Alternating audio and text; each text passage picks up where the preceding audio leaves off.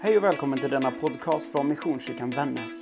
Vi hoppas att den ska uppmuntra dig till att ta nästa steg i din tro. Om du vill ha mer koll på vad som händer hos oss, gå in och följ Missionskyrkan Vännäs på Facebook och Instagram eller kontakta oss via vår hemsida www.missionskyrkanvannas.se. Välkommen hem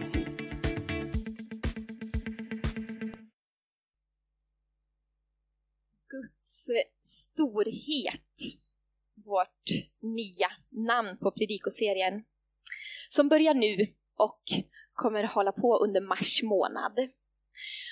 Och precis som Anders sa, så vi kommer nog aldrig, aldrig kunna greppa allt om Gud.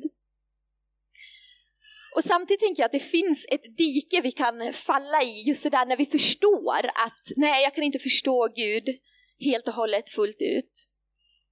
Att det kanske inte går att säga någonting om Gud. Problemet med det är bara att vi gör Gud stum. Att Gud inte får presentera sig alls, så att vi inte kan säga någonting om honom. Och det säger ju inte den kristna tron, utan kyrkan och traditionen vilar ju på att vi faktiskt vet en hel del om Gud. Och precis som Kristin läser vid bibelordet så har ju Jesus sagt själv att den som har sett mig, den som har sett mitt ansikte har också mött Fadern. Så Jesus har visat oss en del av vem Gud är. Och vi kan läsa om det i Bibeln, som också beskriver erfarenheter hos människor där Gud har gripit in i människors liv och uppenbarat sig för dem. Och deras erfarenheter står nedskrivet i det vi kallar Bibeln. Så Gud också visar sig genom historien. Va? För det här fortsätter ju, att Gud också uppenbarat sig i våra liv. Vi är många här inne som sitter med erfarenheter över att ja, men vi kan ana någonting om vem Gud är. Vi har mött honom och vi har erfarenheter av honom. Och så hela skapelsen. va? Att få komma in i det rum, att få vara i det rum som är liksom vårt, den platsen där vi befinner oss i, där vi får leva av det som är Guds skapelse, det som vi säger att det här är det Gud har skapat och han också visar oss vem han är genom den fantastiska skapelsen. Och hamnar man i det där diket över att men, vi kan liksom inte helt greppa Gud så det är bäst att vi liksom blir lite tyst om vem Gud är. Då kan det lätt hamna i det här läget att ja, men Gud han är bara en kraft. va? Han är en energi. Men Gud också mer än så, därför Gud är en personlig Gud. Eftersom Gud är en personlig Gud så är han inte bara en liksom energi som inte riktigt går att greppa, utan han är någon som också går att lära känna och vi kan få närma oss honom och vi kan lära känna honom. Och det är det här temat som vi går in i nu, det är liksom önskan att vi kan få ännu mer lära känna Jesus, lära känna Fadern och få erfarenheter av den heliga anden. Och just idag, precis som Anders sa, så handlar det om Guds härlighet. Och det får vara liksom ett samlingsnamn på allt det där som vi inte riktigt kan greppa. För ni vet, mycket om Gud kan vi förklara med termer som vi är vana vid, som vi liksom känner till som människor. Som att Gud är kärlek till exempel. Ja, men vi kan förstå vad kärlek är. Men sen så finns det ju det där som liksom inte riktigt går att förklara, det som ligger utanför det som är liksom det inommänskliga. Och det ska vi närma oss idag, så får vi kalla det Guds härlighet. Så vi har en utmaning framför oss. Vi förstår att vi inte helt kan greppa Gud, men ändå vill vi liksom, precis som vi sjöng, svara på den här längtan i våra hjärtan men vi vill veta mer. Och så får vi sträcka oss och liksom tänja lite grann på bilderna av vem Gud är i våra liv. Jag tänker att vi kan få be bara för, för predikan just nu tillsammans.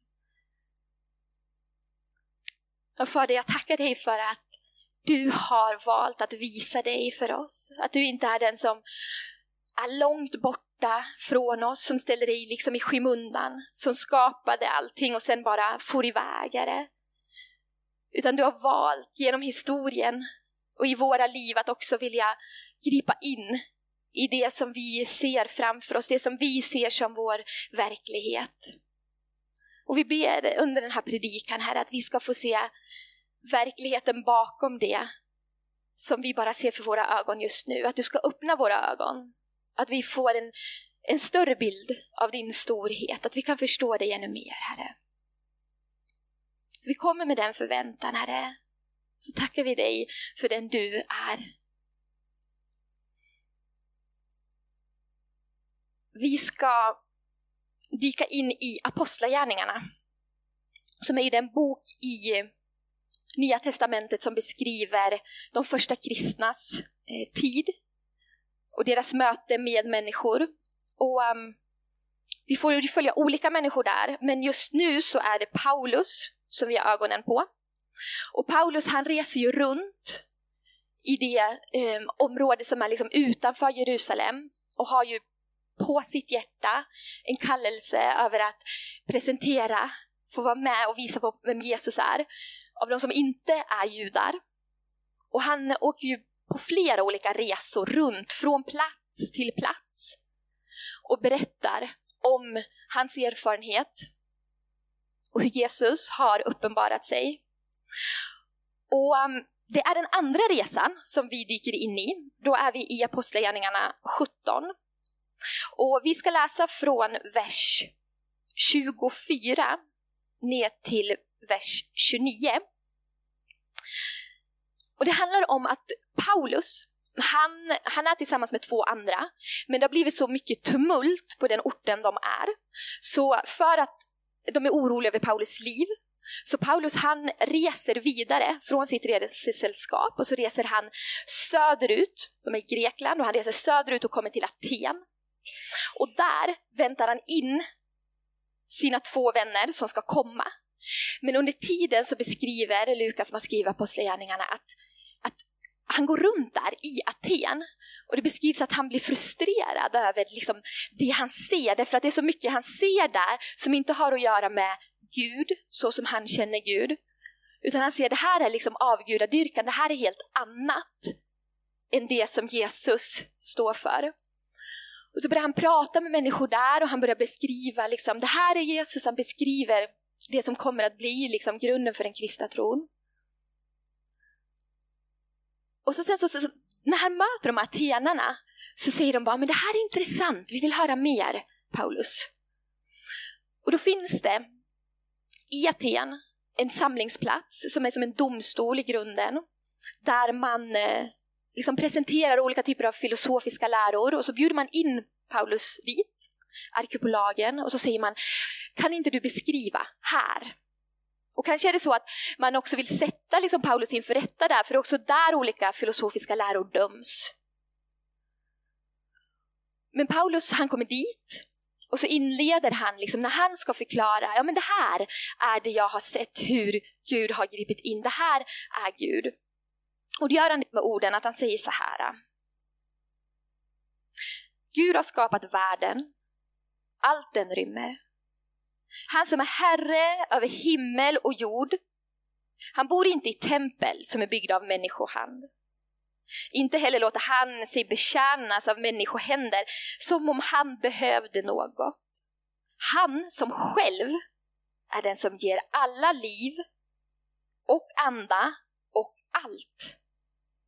Av en enda människa har han skapat alla folk, han har låtit dem bo över hela jordens yta, han har fastställt bestämda tider för dem och de gränser inom för vilka de ska bo. Han har gjort det för att eh, de ska kunna söka, kanske kunna treva sig fram till Gud.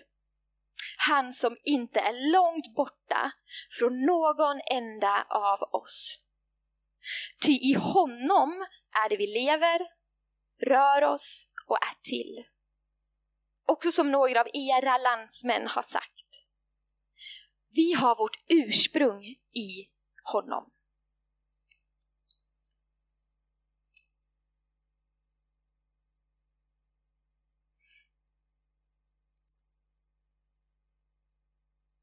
Det är hur Paulus beskriver Gud.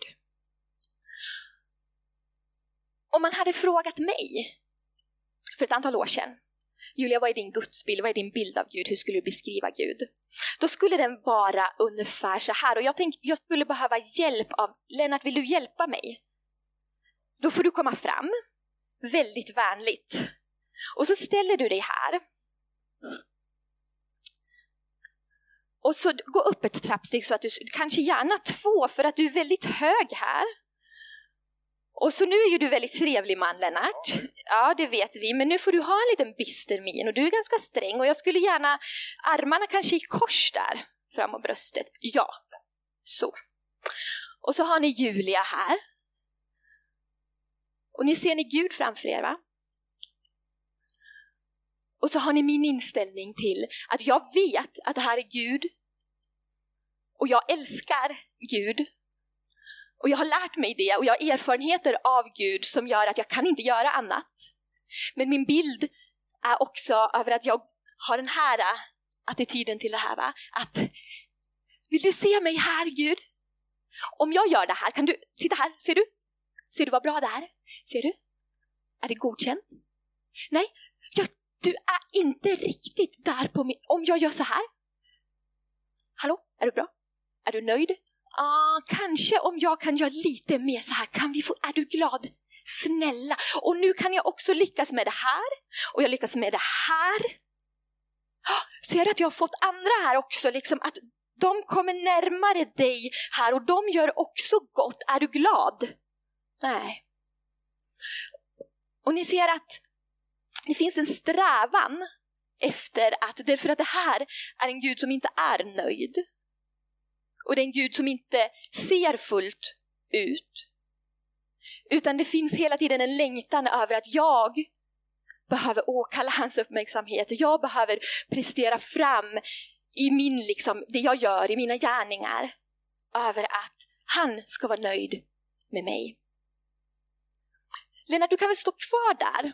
Och så undrar jag, jag behöver tre stycken till som kan hjälpa mig. Vill du komma upp Anders? Är det okej? Okay? Är det någon mer frivillig? Karina, du vill komma? Eller hur? Ja, det är bra. Får jag välja dig också Kristin? Ni ser. Ja, det är frivilligt Anders, eller hur? Ja. Ni måste stå närmare. Här har vi, här har vi Fadern. Och Karina, du kan le, du får le.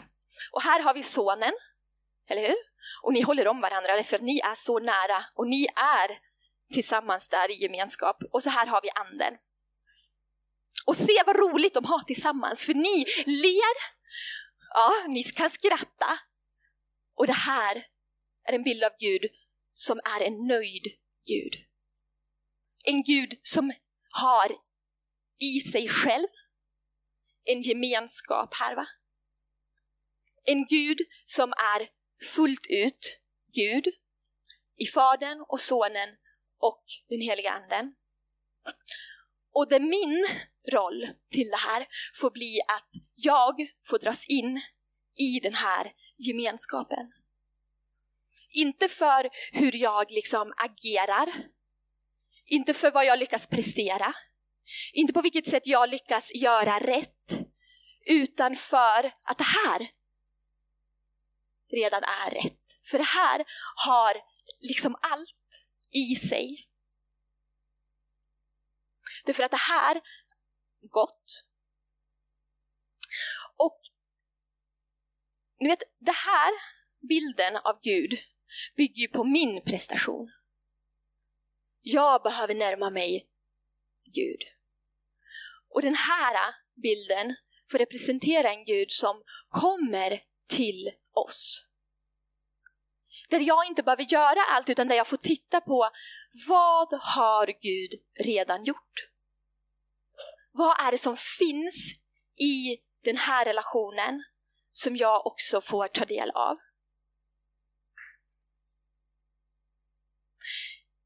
Det här är en bild av religion.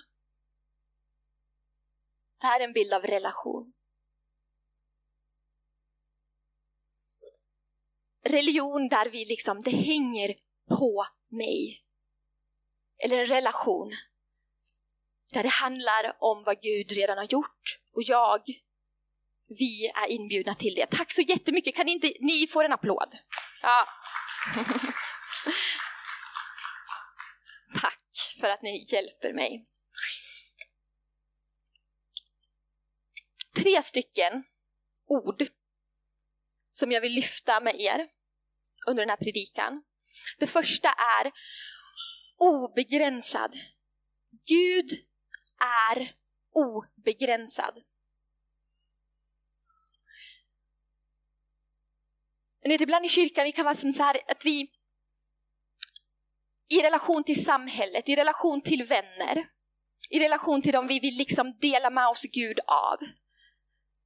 Så hela tiden så, ja men vi funderar på hur ska det liksom, hur ska det se ut? Hur ska vi liksom formulera oss? Hur kan vi skapa en teologi som blir relevant för liksom vårt samhälle, som för de frågorna som finns där? Och någonstans om vi hamnar i det att vi liksom hela tiden tänjer på liksom, hur mycket kan vi berätta och beskriva om Gud så att Gud passar in här? Så kan vi också hamna i det att vi har en tendens liksom att vi ska skapa en Gud. Att vi, jag, hur jag uttrycker mig, hur jag lever mitt liv så formar jag en Gud som får bli accepterad i mitt eget liv och i andras liv. Men vet, Gud han har erbjudit oss att vi får lära oss om honom och vi får upptäcka vem han är. Han är obegränsad i att han låter oss inte tränga in honom i de liksom idéer och tankar som vi har. Att det skulle vara en Gud som är skapad av, precis som Paulus beskriver, av våra tankar och idéer. Utan när Gud möter oss, när han presenterar oss, så är det utanför det. Och det han lär oss. Där han låter oss upptäcka, se vem jag är. Och därför är det svårt i vår tid, där vi lever liksom med flera hundra år bakåt, ett ideal över att det som är sant, det som går att beskriva, det som är på riktigt, det som är verklighet, det är också sånt som ska kunna förklaras av en människa. Det som ska kunna bevisas av en mänsklighet. Men Gud passar inte in i det därför att Gud är större, därför att han är obegränsad. Han kommer aldrig låta sig helt stängas in. Och därför kan vi också möta Gud först när vi accepterar att jag kommer inte förstå allt. Och jag behöver mer upptäcka honom snarare än att skapa honom.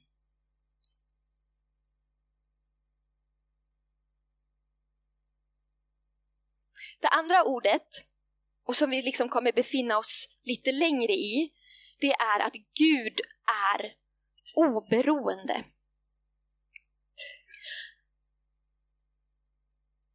Han är obegränsad och han är oberoende. Och att han är oberoende innebär att han, och han är den enda, som inte behöver något.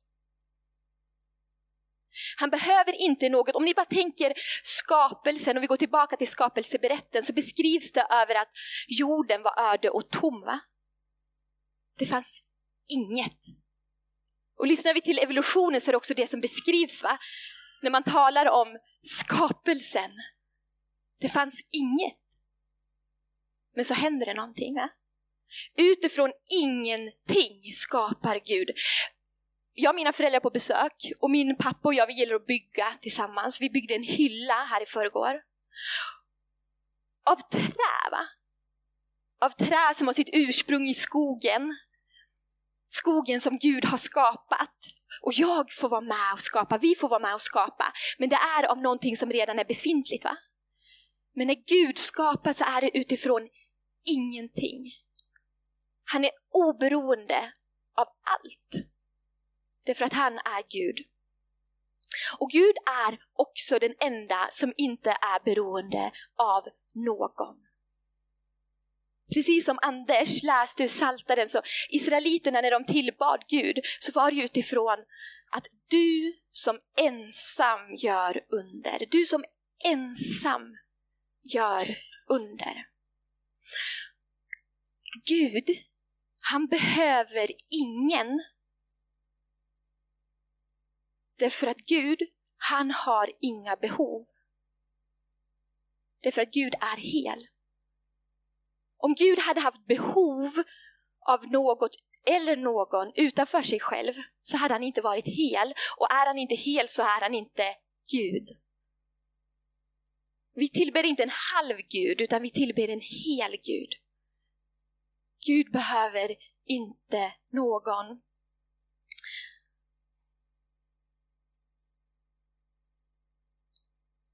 Jag vet inte hur det är för er, men jag får nog erkänna att jag har haft en bild över att jag fick liksom i min resa i tro, när Jesus såg allt det gott han hade liksom gjort, på alla de sätt han handlade rätt. Och jag såg att ett liv nära det här, det kommer vara ett gott liv. Och så sen liksom förstå det här, ja han dog. Och så har jag haft den här bilden över att, ja men sen liksom vidare då utveckling, ja men då blev det vi som tar över. Ja men då är det väl på oss kristna att liksom fortsätta då. Nu hänger det på oss. Och för mig var det som, det är en krampaktig bild va? Att leva upp, och särskilt om du ska leva upp till Jesu ideal, men fortsätter vi det, då ska världen tro. Eller? Och så vet jag att för mig en påsk blev det så tydligt över att, men vänta, jag har missat en sak. Jag har ju missat, han dog. Och så uppstod han va? Han lever. Och det är en ganska väsentlig del i kyrkans bekännelse, i den kristna tron. Han dog inte bara och lämnade över, nu sköter ni resten. Det är ju någonting som den här liksom, världen och samhället ofta har som förklaringsmodell när man talar om ja, men hur kan kristna liksom överhuvudtaget finnas, hur kommer sig religionen? Jo men det måste ju vara, han dog och så sen så var det några lärjungar som inte kunde acceptera det och därför började de sprida budskapet om han hade uppstått och så sen har det bara liksom fortsatt på för människan behöver ju någonting att tro på. Det är ju vad den här världen talar om som en förklaringsmodell. Men det är inte vad kyrkan säger. Därför kyrkan säger att Jesus dog och han uppstod. Det var en treåring som berättade det här för mig. Vi har satt med ett barn som hade skapat på söndagsklubben. Och så var det klistermärken och det var graven och det var Jesus och det var kvinnorna. Och satt och berättade över att, ja men, Jesus dog och han lades i graven. Men varför är den där lilla fågeln där? Frågar det här barnet mig. Och jag sa, jag vet inte, det är du som har placerat en liten duva på den här teckningen. Så säger det här barnet och predikar för mig över att där är anden. Det är Guds ande som lever och här nere på marken, här finns onda och man kan döda Jesus. Men anden lever och inget ont kommer åt den. Därför att anden lever. Och för mig, jag vet bara, jag satt med mina tårar som bara rann över att det här har jag saknat i min tro. Det här har jag saknat i mitt liv, att det är jag som bärs upp därför att Jesus lever. Och det är det som är min grund, det är det jag får stå på. Han har uppstått och han uppstår i våra liv. Han ger oss den möjligheten. Att vi får leva i den tron och vi får leva av den tron.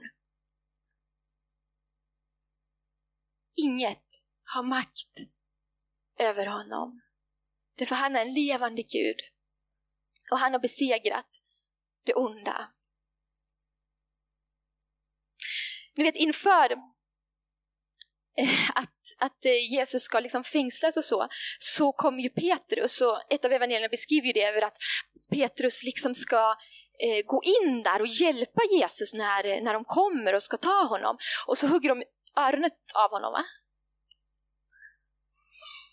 Och vad är det Jesus säger? Tror du inte att jag ensam skulle kunna be min fader och så vidare och så vidare. Va? Att vi tror att ja, men Jesus behöver nog lite hjälp här. Va? Han behöver lite kraft av oss så att det kan ske någonting. Va? Tror vi inte att Jesus ensam kan göra under? Och ändå så är det som att vi så många gånger kan leva så. Att, men är det inte lite synd om Gud i detta sekulariserade land? Alltså, det är så få som kommer till tro. Det måste vara synd om Gud. Vad ledsen han måste vara.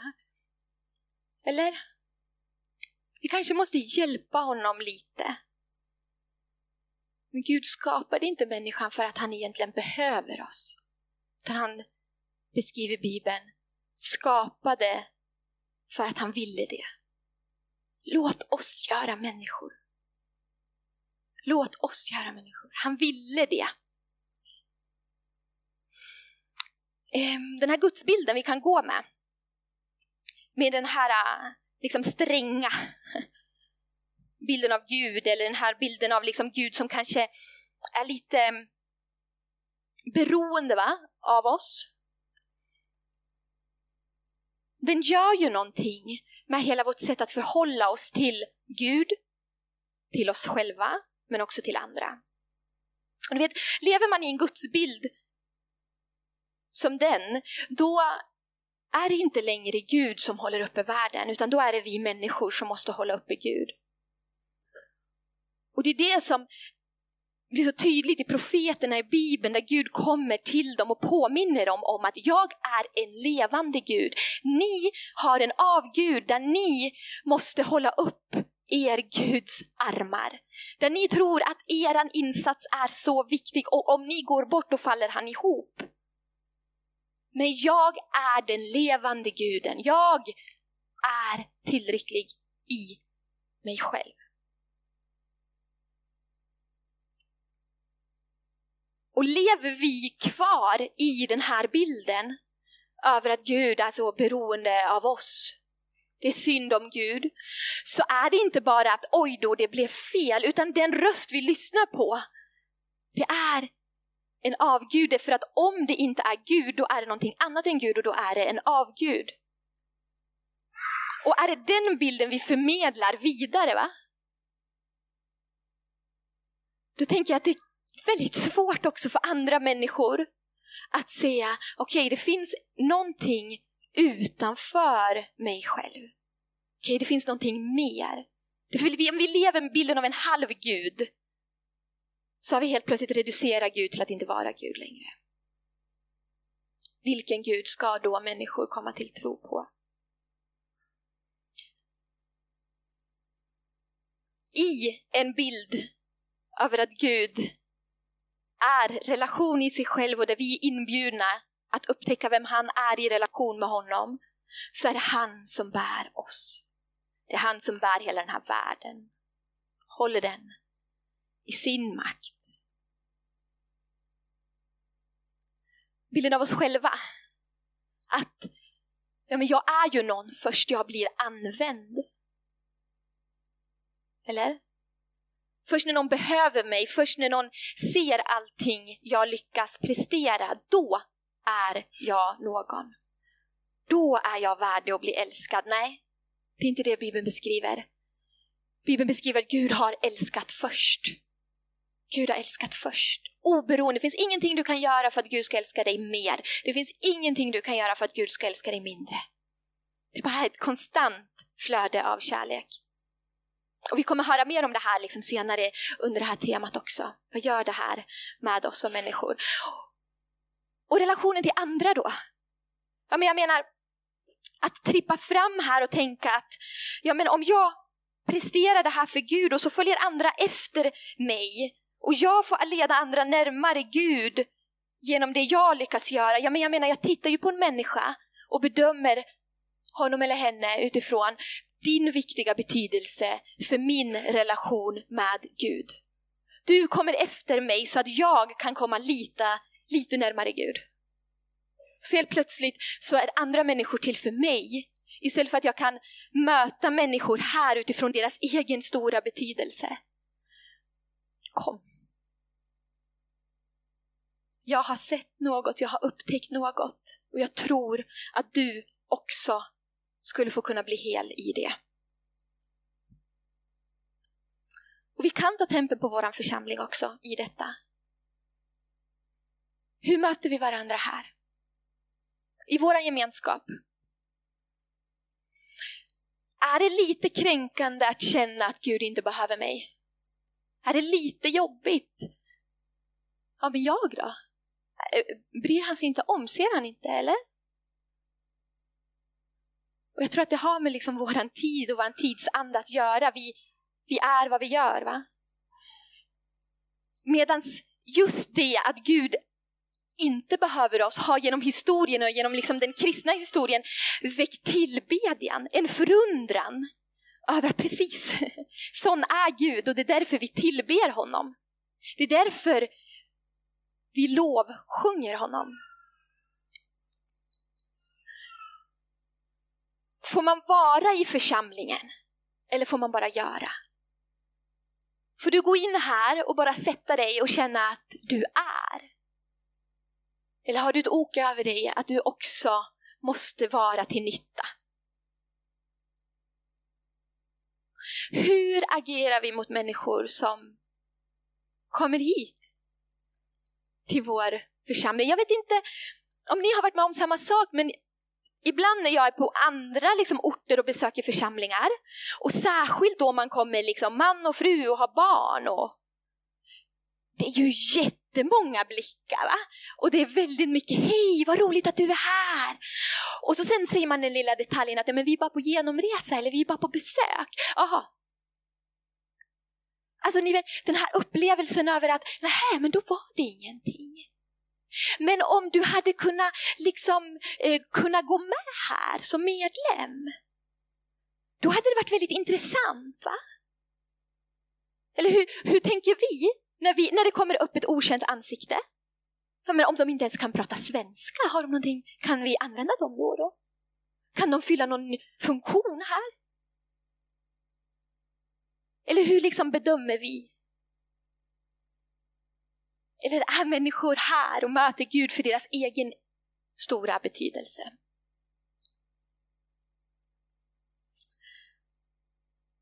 Det sista ordet är att Gud är oföränderlig. Gud är oföränderlig. Utveckling är ju någonting som primeras va? och vi behöver det. Det är liksom naturligt, vi växer från ett barn till att bli äldre, till att bli vuxen. Och vi utvecklas. Men Gud kan inte utvecklas.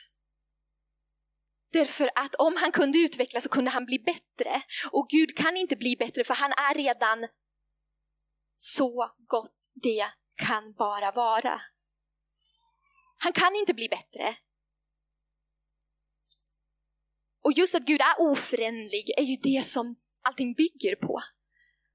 Att vi vet att vi kan ha en relation med Gud, därför han är oförändlig. Så det han har sagt, det han har lovat, det kan vi lita på, det kan vi stå på. Det är det som förbundet med Israeliterna bygger på. Det är därför vi vågar närma oss Jesus, för vi vet att det han säger, det är sant. Och han kommer liksom inte ändra på det. Han kommer inte vara den som tröttnar. Han kommer aldrig vara den som ger upp. Han kommer aldrig vara den som tar ut en skilsmässa.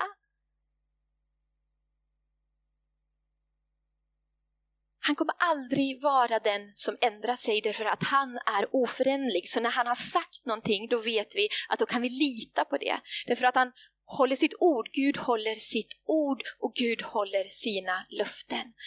Därför behöver vi inte vara rädda i mötet med Jesus. Därför vi vet att de löftena han har sagt, de kan vi bygga ett liv på. Därför det kommer inte förändras. Det kommer hålla. Gud är oföränderlig och ändå är det någonting fascinerande i han kan inte förändras, men han förändrar allt. Och det vet du som har kommit nära honom, upplevt honom, släppt in honom.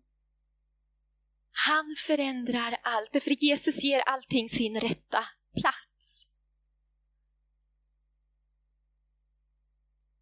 Att han, i mötet med honom så får vi se på vårt liv och att allting får bli, jaha, det är så här det här. Allting får sitt rätta namn. Och saker som har varit sårat kan bli helt och saker som har gått sönder får bli lagat. Och sånt som behöver förlåtas kan vi få kraft att, att få leva i, att viljan att förlåta. Och där vi behöver utvecklas, där vi behöver liksom gå vidare i en mognad, där pekar han på det. Därför relationen gör att vi ständigt förändras för att bli närmare hans avbild.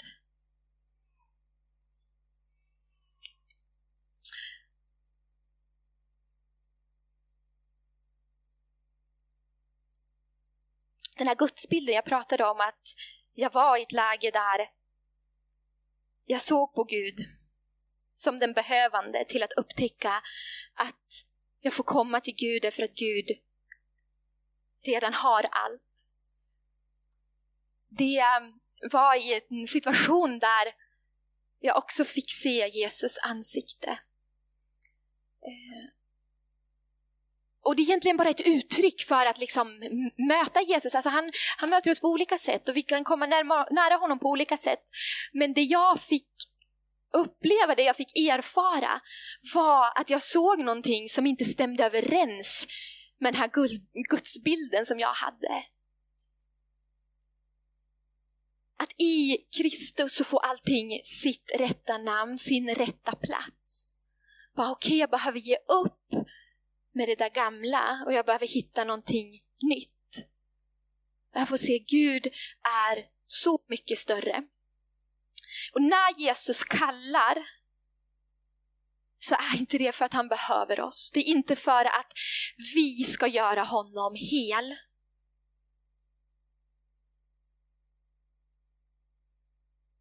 Han kallar oss till sig för att älska oss hela.